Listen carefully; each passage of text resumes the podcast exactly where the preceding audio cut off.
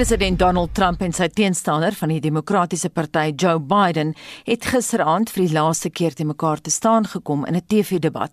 Vir hulle perspektief daarop praat ons nou met die politieke en beleidsontleder van die Noordwes Besigheidsskool, Theo Venter, môre Theo. Goeiemôre. En Dr. Ina Gous van die Universiteit van die Vrystaat se program vir regeringskunde. Môre Ina. Goeiemôre. Toe kom ons begin by jou soos wat ons sopas in die hooftrekker gesê het, die COVID-19 pandemie en die Amerikaanse regering se hantering daarvan was 'n sentrale tema in hierdie laaste debat. Ja, ek het die vorige keer gesê dit was 'n pynlike affære om dop te hou en hierdie keer moet ek sê dit was meer presidensieel. Maar jy is heeltemal reg. COVID-19 en sy vertakkings in die ekonomie in en in gesondheidsorg in selfs in die verhouding met China was 'n groot deel van die argument alhoewel die moderator baie goed was. Sy het Trump baie baie netjies beheer.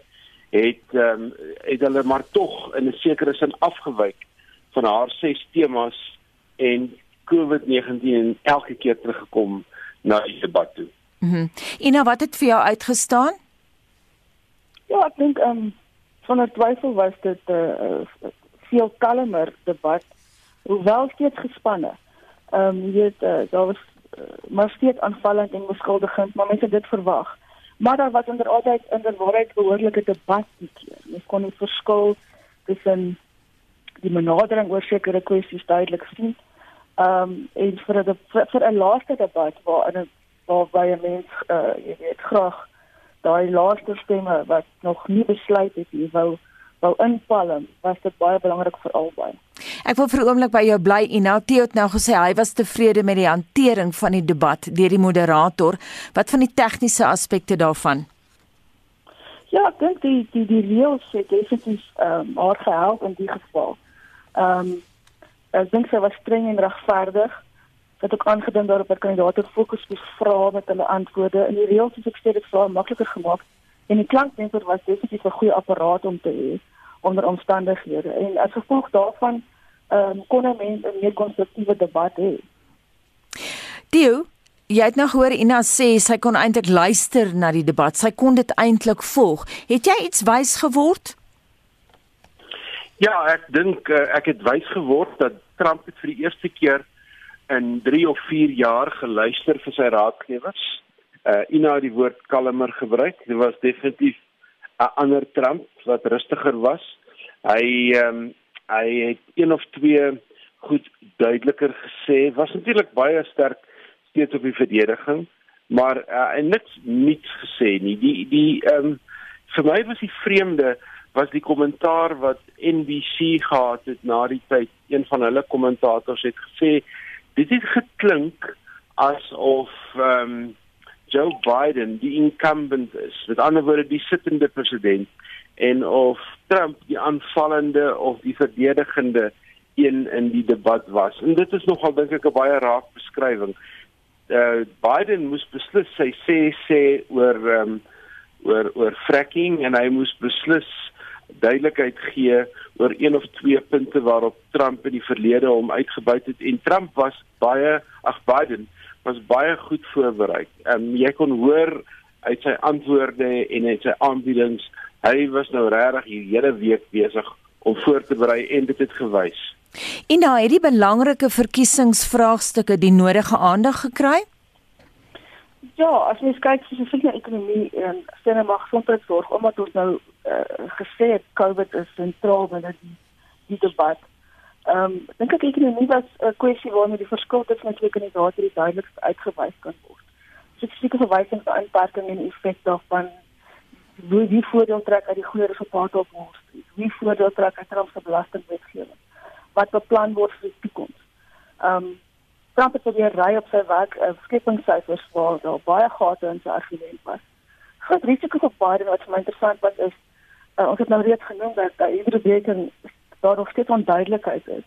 Maar dit het net wegbeweeg van die oorindustrie. Ehm um, en sy en sy toekomstige ekonomiese beleid. Ons sommer nie verwag dat hy hoë party sal moet spandeer in Pennsylvania en Texas onder andere. In die laaste paar dae nie want um, vir 'n presidentsiële kandidaat in Amerika is dit 'n risiko op die stadium. Hmm. Selfs al het hy steun van van die die die, die Unis met sy groen ekonomiese plan. Theo Ja, ek stem saam. Ehm um, Trump het besluit om 'n baie kort opmerking gemaak uh toe hy direk in die kamera aangekyk het en gesê mense van Texas, mense van Pennsylvania, julle moet luister. Hierdie man is gekant teen die olie-industrie. Ek dink Ina is reg. Ehm um, hier gaan hier gaan 'n hele paar skote hieruit hieruit voortvloei. Maar ek dink die twyfelaars het vanaand in hulle luister ehm um, ek dink hulle is nog steeds twyfelagtig na vanaand. Ek ek dink nie hierdie debat het enige iemand regtig verander nie, maar wat wel gebeur het is ehm um, ons het gesien ehm um, Joe Biden is beslis nie sleepy Joe meer na na na vanaand se debat nie. Uh Trump kon wel 'n klein bietjie aangepas het. En nou hoe belangrik is so 'n laaste debat vir mense wat dalk 'n swaai stem oorweeg? Ja, so, ek gesê dat jy uh in die konservatiewe gemeenskap dat die jy weet as as as as as mense die persepsie het dat Biden die incumbent is, jy weet nie ou wat haar haar verkies moet word, maar dit is normaal as jy sien hoe ver agter Trump is en dat sy benadering noodwendig anders moet wees. Uh, Biden wil net graag die status quo op die stadium behou en nie te veel steun verloor. Ehm um, waar Trump graag steun wil wil wen. So uh, die laaste debat wat vir hom veral dink ek baie belangrik.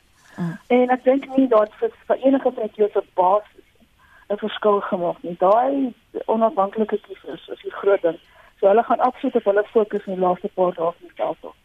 Net 'n laaste vraag aan jou Theo. Jy het nou albei verwys na die feit dat gisteraand se debat baie beslis verskil het van die vorige een. Dit was rustiger. Jy het die woord rustig spesifiek gebruik. Gaan dit die gees daarstel vir ons het so 'n week of wat tot die aanloop tot die verkiesing in die aanloop tot die verkiesing. Gaan die toon verander, die gees van die verkiesing? Nee, ek dink nie so nie. Ek dink die intensiteit gaan nou verhoog veral van Donald Trump se kant af. Hy het amper um, in die laaste week 'n um, uh, oordrewe veld tog gelei juis omdat hy 10 persentasie gemiddeld agter is. Ehm um, en ehm um, vir hom is dit nou alles of niks. So ek verwag 'n meer intense stryd van nou tot die 3de November toe. Kom ons gee tog vir jou die laaste woord Ina, ons het so 'n minuut tyd. Wat dink hm. jy? Hm. Ja, ek dink so. Ek dink uh, die die die feit dat die debat redelik beskaafd was.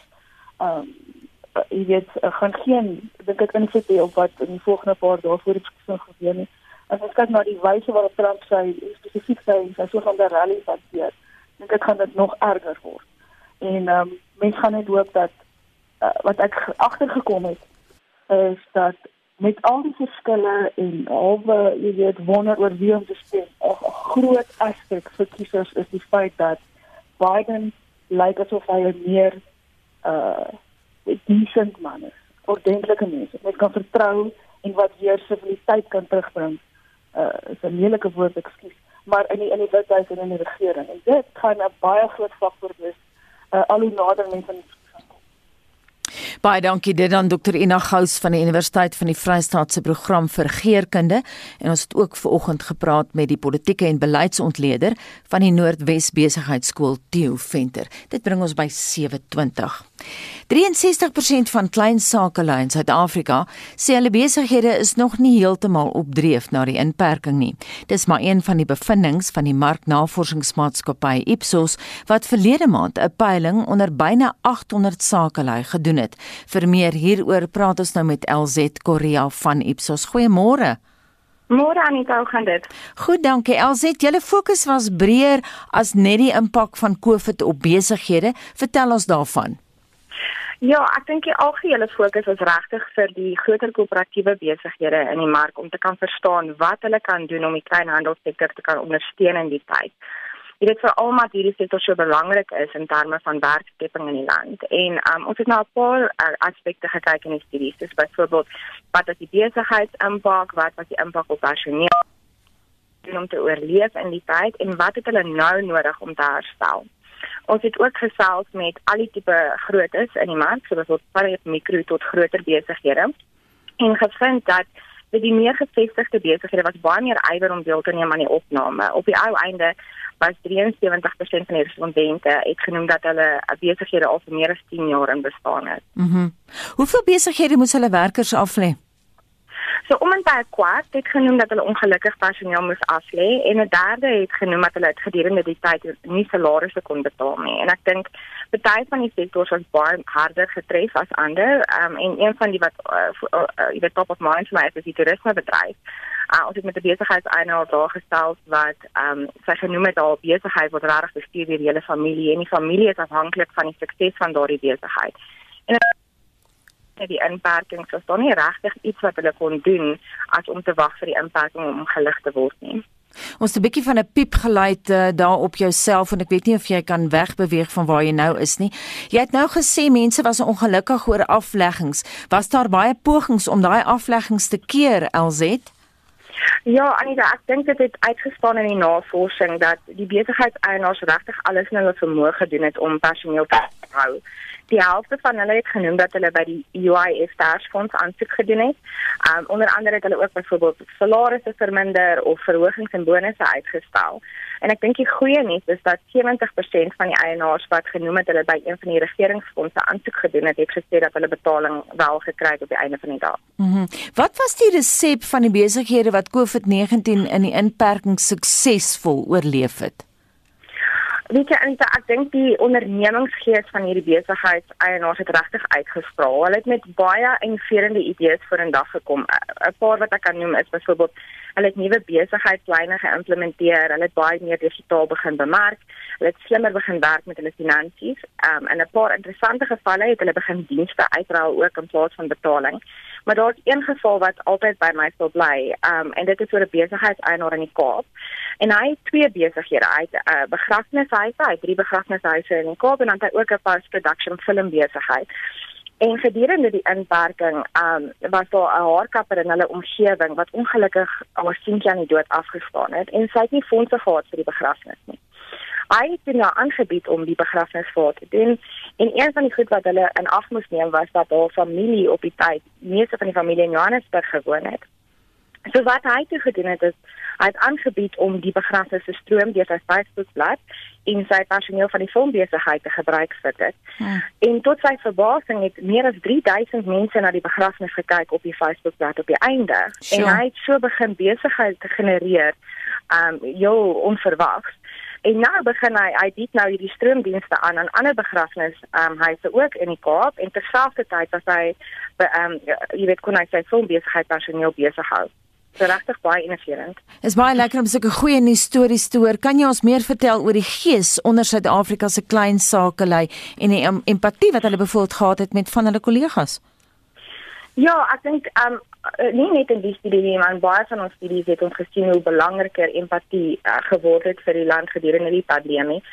Um en dit was een van die groot positiefs wat uitgeroep was deur die besigheidseienaars. Uh, hulle het genoem hoe personeel regtig saamgetrek het en mekaar ondersteun het en op die ou en baie meer produktief geraak het. En daar's ook 'n baie goeie storie wat my sou baie bly van 'n uh, besigheidseienaar en sy is in die uh, professionele dienste um bedryf. En natuurlik moet sy haar personeel vergaderings aanlyn kyk. En sy het verstaan hoe wat 'n moeilike gesprek dit kan wees vir een van haar werkers om na haar toe te moet kom en te sê hoor ek het nie kos in die huis nie of ek het nie geldjies nie. En sy het 'n geelstrikkie inisiatief geïmplementeer. En wat dit behels is as ek 'n nood het en ek was in haar span, al wat ek hoef te gedoen het is 'n geelstrikkie op my hemp te dra gedurende een van die personeel vergaderings. Dit sal dan dadelik vir my kollegas sê dat ek 'n nood is en hulle sal dan 'n insameling doen en 'n kospakkie by my huis aflewer. Hmm. Baie goeie nuus stories. Net laastens LZ, watter lesse is hier geleer wat in die toekoms gebruik kan word? Maar Anita, daar was agt belangrike lesse algeheel. Ek gaan net 'n paar met jou deel. die grootste les was regtig ehm um, dat jy weet hulle 'n noodspaarrekening moet hê vir die toekoms. Ons het ook gesien dat die groter besighede baie meer gefokus is om hulle operasionele departemente meer doeltreffend te maak. 'n ander prominente les was dat hulle beplan om minder werkers aan te stel, maar meer vir personeel te soek wat meer vaardighede en ervaring het. Uh behalwe vir dit was daar ook 'n baie groot operasie uh, digitale skuif. Dis tog 'n digitale skuif uh van beide operasionele kant af en 'n bemarkingskant af. Maar Die interessante ding vir my was dat e-handel nie so groot genoem was nie. Net 17% van die besigheidseienaars het gesê dat hulle in die toekoms e-handel sal sal wil voortvat. En toe ons gevra het hoekom hoekom oorweeg hulle dit nie, het dit daar genoem dat hulle eintlik nog nie 'n webblad vir hulle besigheid het nie. Hm, dis interessant. Is seker verbasend vir jou, né? Ek weet ek het nie dit verwag nie en ek dink dit was een van die groot redes, jy weet, een van die ander boodskappe vir my is dat hierdie uh, besigheidseienaars as jy daaraan dink, hulle het nie almal 'n formele besigheidsbestuuropleiding nie. Mm.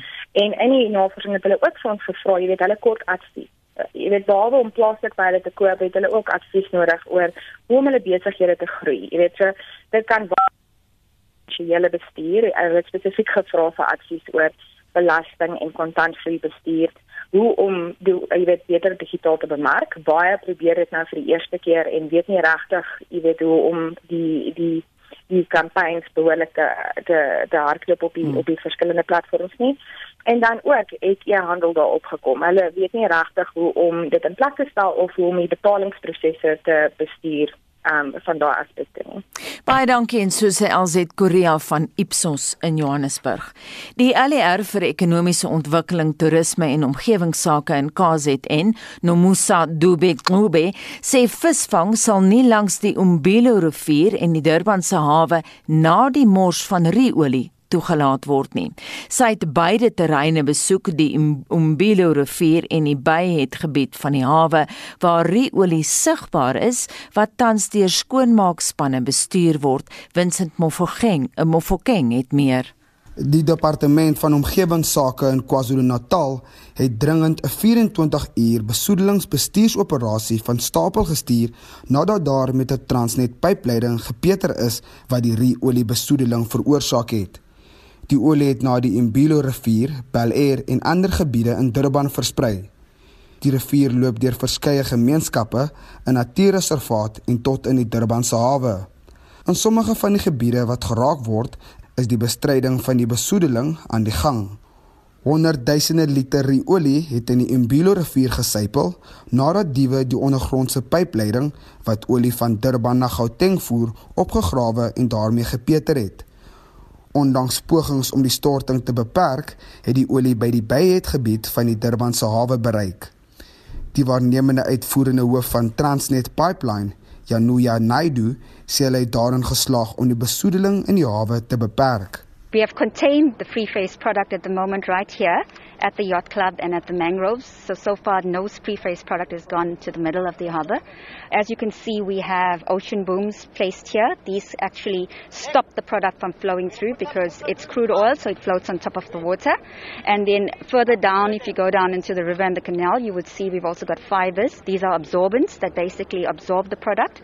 And then we, these skips, this is where we dispose of them and we put them in these skips and then we dispose dispose of them at a uh, approved landfill site. Naidu sê die maatskappy verloor miljoene rand it's crippling the country economically because the environmental impact, the cost to clean up is there, getting teams to clean up, but the actual environmental impact and how long it takes to remediate and rehabilitate, it's significant. It's running, you know, into the hundreds of millions at the moment, and it's really something that it shouldn't be taking place. And um, we all really, really need to work together to curb this. In this financial year alone, we've had over 80 incidents of theft and attempted theft on the pipeline. Nomusa Dube Ngube, die ALR vir ekonomiese ontwikkeling, toerisme en omgewingsake in KwaZulu-Natal, sê visvang sal nie langs die Mbilo rivier en in die Durbanse hawe toegelaat word na die olie vermors is nie. Dube Ngube sê hulle beoordeel die omgewingsimpak van die besoedeling. There is um, huge impact to the biodiversity right now that we are seeing. The birds that are here, the fish, this area here is bound by the estuary. The estuary carry very um, important biodiversity for our city and for our province and it's one of those protected areas that uh, we need to guard uh, very seriously. We've also further advised that at least for seven days the fishing will have to stop because of this. It is not safe. Die regering het Transnet opdrag gegee om binne 14 dae 'n noukeurige verslag ter tafel te lê waarin uiteengesit word hoe hy beplan om pypleidings te beveilig en saam met alle rolspelers te werk om maatreëls vir die beperking van stortings te implementeer en skade aan die omgewing te voorkom. Die verslag van Nonkululeko Hlope in Durban. Vincent Mufokeng, SAIGanis. Heinrich Lukie terugvoer. Aneta so ons uh, praat vanoggend oor uh, die Ipsos peiling wat wys dat meer as 60% van klein besighede in Suid-Afrika sê hulle sukkel nog om op die been te kom na die inperking. En ons wil van luisteraars weet is daar inspirerende stories van hoe besighede wel kop bo water hou of kon hou? Of wat is die herstelplan van sulke besighede? En kom ons luister net gou na twee stemnotas eers. Ek is 'n ondernemer hier in die Koopakkers een van die rijkste strekken in het land. Ik is een bijenboer, ik krijg me zwaar. Hier rijk, rijk zakenmannen willen eindelijk aan onze handen vatten. Tenzij je niet in zijn hand spelen. Zo, ik heb het nodig. Ik wil anoniem blijven. Dank je. Ik leen het McKay van Kakamas uit die Noordkap uit. Um, ik hou eindelijk wat hulle van praat rondom die klein sakeondernemings. Weet julle dat ons mense regtig hulle gemoelige tye het onder die grendeltydperk en ek dink as 'n uh, uh, besigheidskamer of sakekamer, ons is die eerste nasie uh, sakekamer te Kamas 1779 uit Kakamas het en vandag gaan ons 'n uh, intervensie hou op Kakamas wat basies so 9 sal plaasvind by ons raadsaal, die Keigerie Munisipaliteit raadsaal. Dit is 'n intervensie om in te gryp om te sien hoe ons klein sakeondernemings kan help deur verskillende rolspelers betrokke te maak.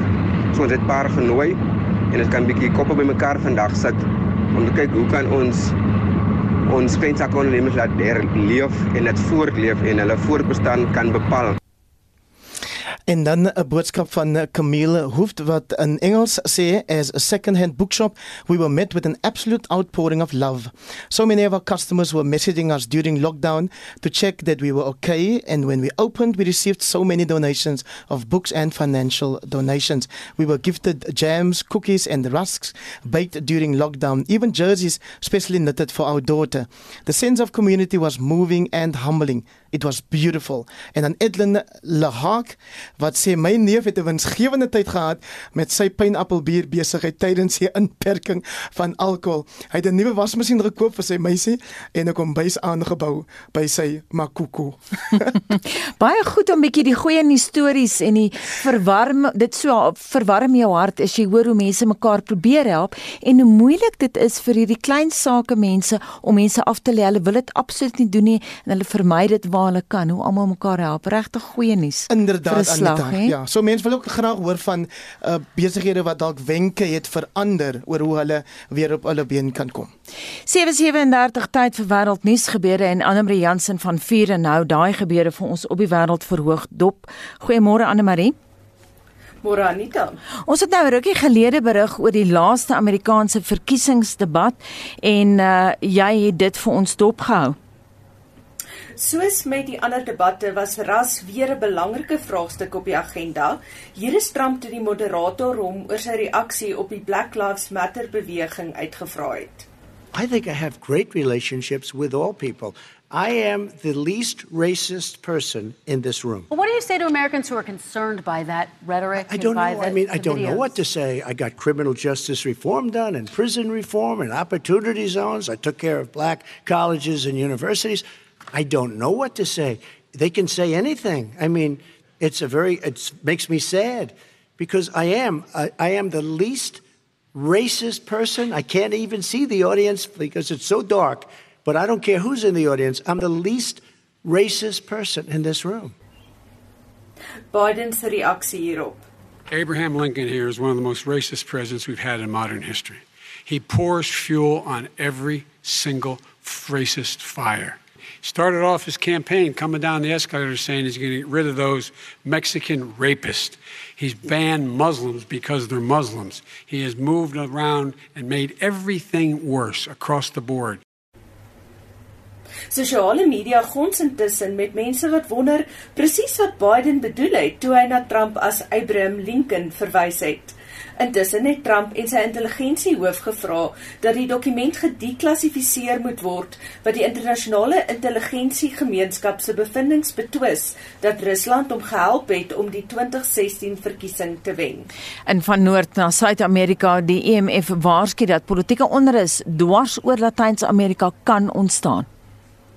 'n Direkteur van die EMF in die Westelike Halfrond, Alejandro Werner, sê hulle navorsing toon dat politieke opstande reg deur die streek kan ontstaan sodra die COVID-19 pandemie onder beheer is. Volgens Werner sal ekonomieë met sowat 8% krimp en eers in 2023 begin herstel. Die verslag volg na gewelddadige betogings onlangs in Chili Ecuador en Kolumbie uitgebreek het. Dit dan Annelie Jansen van Vuren met vanoggend se wêreldnuus gebeure en dit bring ons by 7:40. Terug tuis in Suid-Afrika 'n storie wat 'n bietjie anders is as die normale. Tygerberg Hospitaal in Bellville het 'n innoverende manier bedink om familielede van COVID-19 pasiënte in kontak te plaas met hulle geliefdes. Vir meer oor die projek wat 'n robot se dienste benut, praat ons nou met Marike Hewitt, 'n sielkundige aan die Universiteit Stellenbosch departement departement psigiatrie. Goeiemôre. Môre Anita. Vertel ons 'n bietjie oor julle projek. Wat presies behels dit? Ja, dankie. Ehm um, ons het aanvanklik betrokke geraak by die COVID intensiewe sorgeenheid in Daggaberg Hospitaal deur emosionele ondersteuning te bied aan die gesondheidswerkers. Nou, gegee die aansteeklikheidsrisiko, word besoek besoeke van familielede aan pasiënte natuurlik nie toegelaat nie. Dis die gebrek aan kontak en emosionele ondersteuning in so 'n stresvolle konteks het 'n ongelooflike groot psigologiese impak op pasiënte en hulle geliefdes. So hierdie realiteit, um, Anina Anita het ons aangespoor om vir Quentin by ons span te betrek. Um Quentin is 'n double robotics robot met die hoofdoel om dis COVID-19 pasiënte in aanraking te bring met hulle families. Ehm um, selfs in die gevalle waar pasiënte nie wakker is nie, kan die gesin met genoegsame voorbereiding natuurlik met die pasiënt gesels. Ehm um, en in sommige gevalle stel dit families in staat om afskeid te neem van hulle geliefde. Uh ons bied dan ook ondersteuning aan familie en pasiënt voor en na die virtuele besoek. Hoe lyk Quentin? Quentin lyk soos 'n rekenaar tablet met 'n langerige paal op wiele Die lengte van Quentin is verstelbaar. Daar's 'n iPad aan die bokant wat die brein is en waardeur Quentin dan nou gedryf word. 'n Luidspreker, kamera, mikrofoon is aangeheg en dan onder die iPad is 'n tablet wat ons die hart noem. Nou die tablet is dan die skerm waar die familie se gesigte verskyn en maak video en stemoproepe moontlik. So ek bestuur Quentin met afstandbeheer en ek moet ook byvoeg dat Quentin 'n uh, robot meisie het genaamd Selma. Ehm um, sy is nog 'n bietjie temperamenteel en daarom ook nog nie deel van die voorste linie van die koorpersoneel nie. Sê vir my, hoe reageer mense op Quentin? Anita, jy het ehm um, ja, wonderlik om te sien die pasiënte se gesigte helder op wanneer hulle vir Quentin sien. Hy hy bring tog inderdaad inderdaad goeie geselskap na hulle. Ehm um, sommige pasiënte vra glad vir twee virtuele besoeke per dag met hulle families uh, die personeel het sommer gou grappies in die gange begin maak. Hulle ehm um, hulle vertel of uh, hulle gesels oor hoe hulle kon dan hulle huise gaan inspann om huistaaltjies te verrig natuurlik. Klink dan 'n goeie idee. Presies. Ja, so ek dink Quentin is nou nie eens met deel net deel van die Tygerberg span nie, maar ook deel van die lewens van die pasiënte en die familie. Sou sou kon aflei dat die projek baie suksesvol is. Pragtig. Ehm um, Quentin verlig die werk van die personeel. Ehm um, en wanneer dit kom by die pasiënte en families, ehm um, kontak met geliefdes verhoog daardie voelgoedhormone en verlaag stresvlakke. En die psigologiese welstand van pasiënte het 'n geweldige impak op hulle fisiese herstel. Ehm um, ons besef natuurlik ook dat die virtuele besoeke ehm um, bring liefde, bied emosionele ondersteuning en gee hoop. Ehm um, ons Suid-Afrikaners is met 'n spontane en joviale klomp, so daar word gesing en konsert gehou, gebid en saamgehuil. Mhm. Mm het julle lesse te leer hier dat julle miskien 'n robot in die toekoms kan aanpas want daar sou sekerlik beperkings wees. Want julle is mos maar op 'n leerkurwe met Quentin of hoe? Beslis beslis um so ons ons weet natuurlik tegnologie gaan nooit en kan nooit fisiese kontak of in persoon besoeke vervang nie. Um maar die oplossings wat dit bied in beperkte omstandighede kan kan van ons skatbare waarde waarde wees. Um ek Quentin of tegnologie kan ook 'n alternatief wees vir ander uitdagings wat in persoon besoeke moeilik maak vir die soos byvoorbeeld die gebrek aan vervoer. Um en ons is ook nou tans besig om te kyk na hoe ons kwantiteit funksies kan opskerp op 'n verantwoordelike manier. Ehm um, ja, en dan dan kom ons ook agter daar is 'n paar uitdagings. Daar's tog altyd uitdagings met tegnologie. Ehm um, elemente wat gelaai moet word en ons het ons benodig internet ehm um, koneksie natuurlik en data om koneksie met die families te doen. So ons is besig om om direk navorsing te doen um, om daai probleme op oplossings te kry. Ehm um, en dan ja, dalk dalk kan ons self Quentin ehm um, kry om RFG uitsending te doen vir die pasiënte.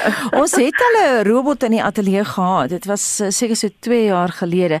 Maar hy kan net laas en so ek kan aanneem ja. dat uh, Quentin nou deel is van Tygerberg se toekoms. Ja. Ja, beslis. Ehm um, so Anita, ons ons wil definitief kyk hoe ons Quentin ehm um, hoopelik dit dit Quentin behoort eintlik aan die neurochirurgie departement so, so hy word ons geleen aan ons. Ehm um, maar ons wil kyk of ons vir Quentin of soortgelyke tegnologie tegnologie self nog ehm um, kan gebruik in die toekoms vir vir hierdie spesifieke doel maar ook ander soortgelyke uitdagings. Baie dankie en so sê Marike Hewitt sy is 'n sielkundige verbonde aan die Universiteit Stellenbosch se departement psigiatrie. Dis nou kwart voor 8.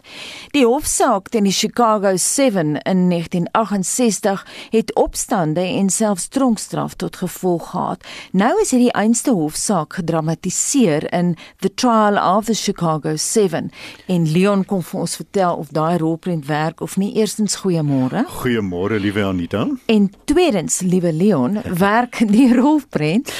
Wel, The Trial of the Chicago 7 is een van die moeilikste, maar mees gerespekteerde films van die jaar.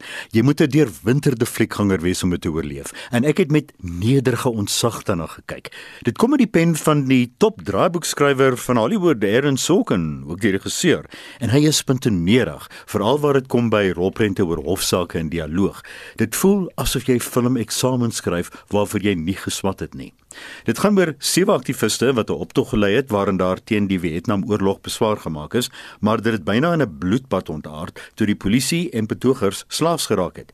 Die sewe sogenaamde Belhamels is hof toe gesleep. Wat daar plaasgevind het in die Back-oorlog wat soms buite beheer geraak het, laat 'n mens duisel, maar dit bring ook hulde aan die gesneuweldes in Vietnam. Beslis aanbeveel vir joernaliste veral. The Trial of the Chicago 7 kry 8 uit 10 op Netflix. O, jy moet onthou ons wil baie keer wegkom van ons werk hoor. Ons wil juis ontvlugting kyk en daarvan gepraat. Ek sien Rebecca, 'n nuwe weergawe is pas uitgereik. Ek was mal oor die oorspronklike. Sal ja. bewonderaars van die oorspronklike hou van die nuwe een. Vertel maar alles. Onthou jy hou van Hitchcock, né? Ja, hierdie ja. hierdie is die Hitchcock nie. Daphne de Maurier se Rebecca is een van die fascinerendste en mees aangrypende stories ooit. Ek self was gek oor die roman. Dit gaan oor 'n vaderige meisietjie, hier gespeel deur Lily Collins, wat met Max de Winter, Amy Hammer trou. Maar wanneer sy by sy kasarm van huis aankom, ontdek sy dat Max of Maxim se vorige vrou, die enigmatiese Rebecca, daar verdrink het. Haar teenwoordigheid domineer die huis, veral in die teenwoordigheid van die gevreesde mevrou Danvers. Onthou jy haar Anita? Mm, sy word hier gespeel deur Kristen Scott Thomas, wat die jongvrou treiter. Dan bars die duiwel in al sy vlammende glorie los. Ek het die rolverdeling bietjie te lig gevind, veral Kristen Scott Thomas, die produksie te kunsmatig en natuurlik sonder dat die regisseur die gotiese storie behoorlik verstaan het en die tema soms sonder gewig en gesag in hierdie formaat. Dit doen eintlik wat my betref 'n onreg aan ander Brekka, maar as jy nie die roman ken nie, is hierdie kritiek vir jou nutteloos. Kyk daarna vir fliekplesier en om te sien wat daardie getuisterde huis alles tref. Rebecca mag jou meevoer en betower. Jy sal beslis nie met die 5 uit 10 saamstem nie, maar as jy net na 'n betowerende vermaaklike storie smag, kies Rebecca op Netflix en probeer ook om Hitchcock se te sien. Mm.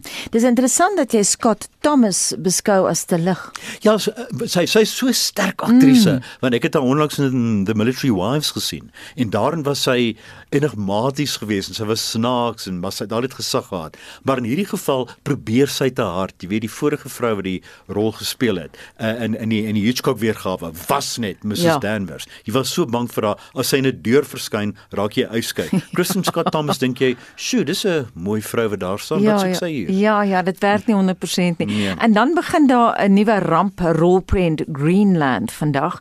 Het ons in hierdie tye regtig 'n ramp rolprent nodig, Leon? Ja, Anita Greenland spog met Gerard Butler in die hoofrol in die gewone gedagte waar hy altyd is, sterk, manlik en vreesloos. Rampfilms neem deesdae 'n nuwe vorm aan veral in die lig van die COVID-pandemie en die slagstorme met die hoër op die aarde af wat in honderde stukkies opbreek en 75% van die planeet kan uitwis. Maar ons held heldin en hul diabetiese seentjie vlug Groenland toe waar die impak op sy ligste sal wees. Die fliek het duidelik nie 'n reuse begroting gehad nie. Dus is die spesiale effekte wat jou moontlik aantrek wel daar, maar nie so groot soos byvoorbeeld Armageddon of Independence Day nie.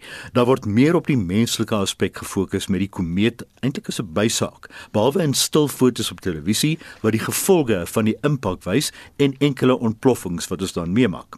Greenland is 'n lig in die stewel rampfilm, maar kan tog 2 ure soos slush puppy laat verbyglip en jy kan geld daarop uitgee as jy net wil uitkom. Greenland 16 maar slegs in fliekteaters, né? Anita, ek dink nie jy sal dit onthou nie, maar luisteraars sal weet, die man wat geskree het Tonight we dine in hell. In die Roprent 300 skree nou vlug van die meteoor af. Greenland 16 jy kan die resensies op ons webwerf lees uh erisgep.co.za klik op fliek rubriek heel onder waar jy ook ouer resensies sal opspoor deur 'n betrokke fliek se titel in te tik. Leon sit vas luister na die volgende. Volgens 'n berig en rapport was 3 uit elke 10 Britte hulle beddegoed slegs een keer per jaar. Wat?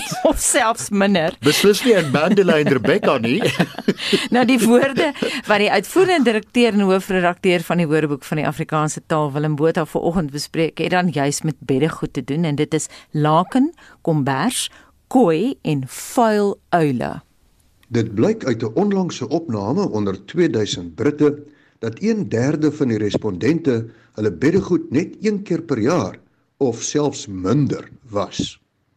'n Britse algemene praktisyn het nou gewaarsku dat as 'n mens jou lakens en kussingslope nie gereeld was nie, kan dit akne, puisies en ander infeksies veroorsaak. Myte en weeluise kan hulle ook in jou bed kom tuismaak. Dit lyk my die Britte kort iemand om die lakens uit te deel. Om die lakens uit te deel beteken om die baas te speel, om in beheer te wees. Die uitdrukking is ontleen aan die huishouding van ouds, waar die persoon wat oor die linnekas baas was, die vernaamste persoon in die huis was. Dus die huisvrou. Jeans word in baie gevalle ook net een keer per jaar gewas. 'n Kwart van die mans was hulle sokkies eers nadat dit 10 of meer kere gedra is en hulle onderklere nadat dit 5 keer gedra is. Ons slaapgoed se name kom meestal uit die 17de eeuse Nederlandse seemanstaal en dan wel oorspronklik uit Maleis en Indonesies. Kombers en kooi is eers op die skepe gebruik voordat dit in Afrikaans inslag gevind het. Kombers het op die skepe na 'n spesifieke soort skepskonvers verwys, maar dit is gou aan die Kaap in plaas van die Nederlandse deken gebruik en deken was nooit eintlik gebruiklik aan die Kaap nie. Kooi het ook uit die Nederlandse seemanstaal in Afrikaans gekom en kooi was ook aan die begin van die 17de eeu algemeen in die spreektaal in Nederland vir 'n bed. Die goeie ou seemanstaal woord kooi is vanaf so 50 jaar gelede nie meer deftig genoeg vir sekere sprekers nie. Maar kooi is springlewendig in Kaaps.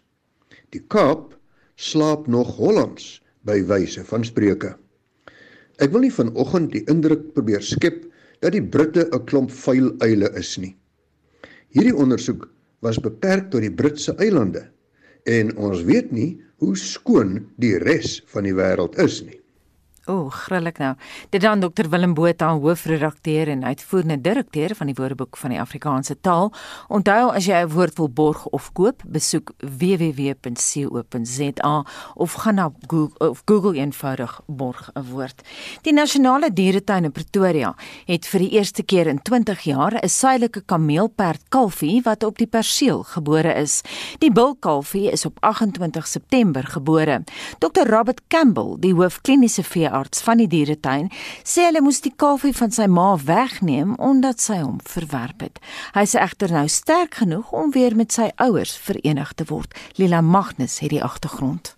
Dr Robert Campbell, die hoofkliniese veearts van die Nasionale Dieretuin in Pretoria, sê hoewel die bevalling goed afgeloop het, die kameelperd koei nie regtig geweet het wat om met die klein, nat wankelragge nuutgebore kalfie te doen nie. Die suidelike kameelperd babietjie billetjie is gebore op die 28ste November. Die ma het ongelukkig nie baie goeie moederlike instink gewys om die babietjie te beskerm en self te begin laat hy kan drink aan haar nie. Sy het ongelukkig baie min aandag aan hom gegee. Nou dit was van die tekens wat vir ons gesê het die ma en hierdie babietjie mag dalk moontlik in 'n probleem wees. Omtrent 7 na 8 ure later toe die babietjie nog steeds nie kon drink nie en hy nog steeds nie om aandag gee nie en hom bietjie begin wegstoot het, het ons toe besluit wel vir die kalfie se oorlewing moes ons die kalfie getrek het. Die bulkalf het 75 kg geweeg by geboorte. Nadat hy van sy ma af weggeneem is, is hy met ongepasteuriseerde koeimelk grootgemaak en laat reeds die skaal kreun op 110 kg. Hy is onlangs weer aan sy ouers voorgestel. Wel, op die oomblik sy paas baie goed met hom. Die eerste dag toe ons terugkom met sy pa om kom hallo sê, bietjie met die kop gestamp en die babatjie het bietjie geskrik want hy het sy pa al nog nie gesien vir 20 dae nie. So toe stap hy toe die paar begin wegstap, toe die ma net gekom, sy het vinnig gekyk, gekyk, okay ja, belangrik en sy het hom van daar af weer geïgnoreer. So ja, dis wat op die oomblik waar ons staan. Die kalfie het nog nie 'n naam nie, maar het reeds in almal wat met hom te doen kry, se harte ingekruip, veral wanneer hy bokspring en speel tydens etenstyd. Kameelperde is die afgelope paar jaar deur die Wêreldbewaringsunie as kwesbaar gelys met sommige van die subspesies wat reeds bedreig word. Campbell sê die kalfie sal by die dieretuin bly tot hy gespeen is. Daar sal dan oor sy toekoms besluit word. Maar een ding is seker, waar hy ook al gaan, gaan hy ingespan word om sy spesies te help red. Ongelukkig weet ons nog nie wat op die oomblik met hierdie kalfie gaan gebeur nie, want 'n baie belangrike besluit moet met hom geneem word aangesien hy soos kameelperde nou op die oomblik van die nie vulnerable lys na die vulnerable lys geskuif het, moet ons nou die beste neem nie net vir hierdie kalfie alleen nie, maar ook vir sy spesiesgroep as as 'n groep. So die kalfie mag dalk by ons bly, of die kalfie mag dalk geskei word na 'n area toe wat hy baie toevoeging kan gee tot die spesies self. Mense wat die dieretuin besoek, sal die kalfie in sy eie boma binne in sy ouers se kamp kan sien. Ek is Lila Magnus vir SAK nuus in Pretoria. Voordat ons groet het ons daarom nog stemnotas en 'n dagboek. Kom ons luister na wat die luisteraars te sê het. Uh goeiemôre, my naam is Leon Kap. Ek verkoop roomhuise op die straat. Ek het 'n uh, fiets wat ek roomhuise verkoop. Voor die corona het ek uh, op 'n Saterdag 800 000 rand gemaak en so 4 of 500 rand 'n dag. Maar nou na die corona maak ek maar hier by 3 400 rand op 'n uh, op 'n Saterdag en baie keer 90 rand of so op 100 200 op 'n dag. Ek het al net een roomhuis op 'n dag al verkoop. Mense kry baie swaar. Mense het nie geld nie. En so ook ons wat roomhuise verkoop. Dit gaan baie baie moeilik. Goeiemôre, er is hier luisteraars en aanbieders. Ek wil net deel hoe ons um, ons uh, eduke vir ons het as onderwysers. Um besides die um die UIF wat ons ontvang het, het um, ons uh, tesourier vir ons elke maand um sopgroentietjies gebring wat baie baie ver gestrek het en ons kon ander help met hy paar sopgoedjies. So baie dankie aan die aan die forum, die Mitchells Plain forum vir hulle help ook en hulle bydra en ons ons educate ook baie dankie. Geniet julle dag. Marlene, hoe lyk Spectrum se dagboek? Die Nasionale Raad van Provinsies aanvaar 'n eenparige mosie om te versoek dat die gebiede wat gebrand het in die Vrystaat as rampgebied verklaar word. En ons hou ook op hoogte van die jongste verwikkelinge wat die brande betref.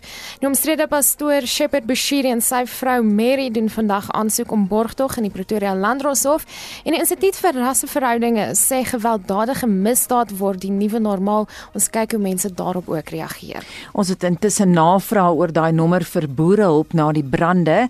Jy kan Elise bel by 051 4444609 4444609 en die kode is 051 of stuur 'n SMS na 37846 daai SMS 37846 die monitorspan groet namens ons waarnemende uitvoerende regisseur ook die redakteur vanoggend Hendrik Martin ons produksieregisseur Daitron Godfrey en my naam is Anita Visser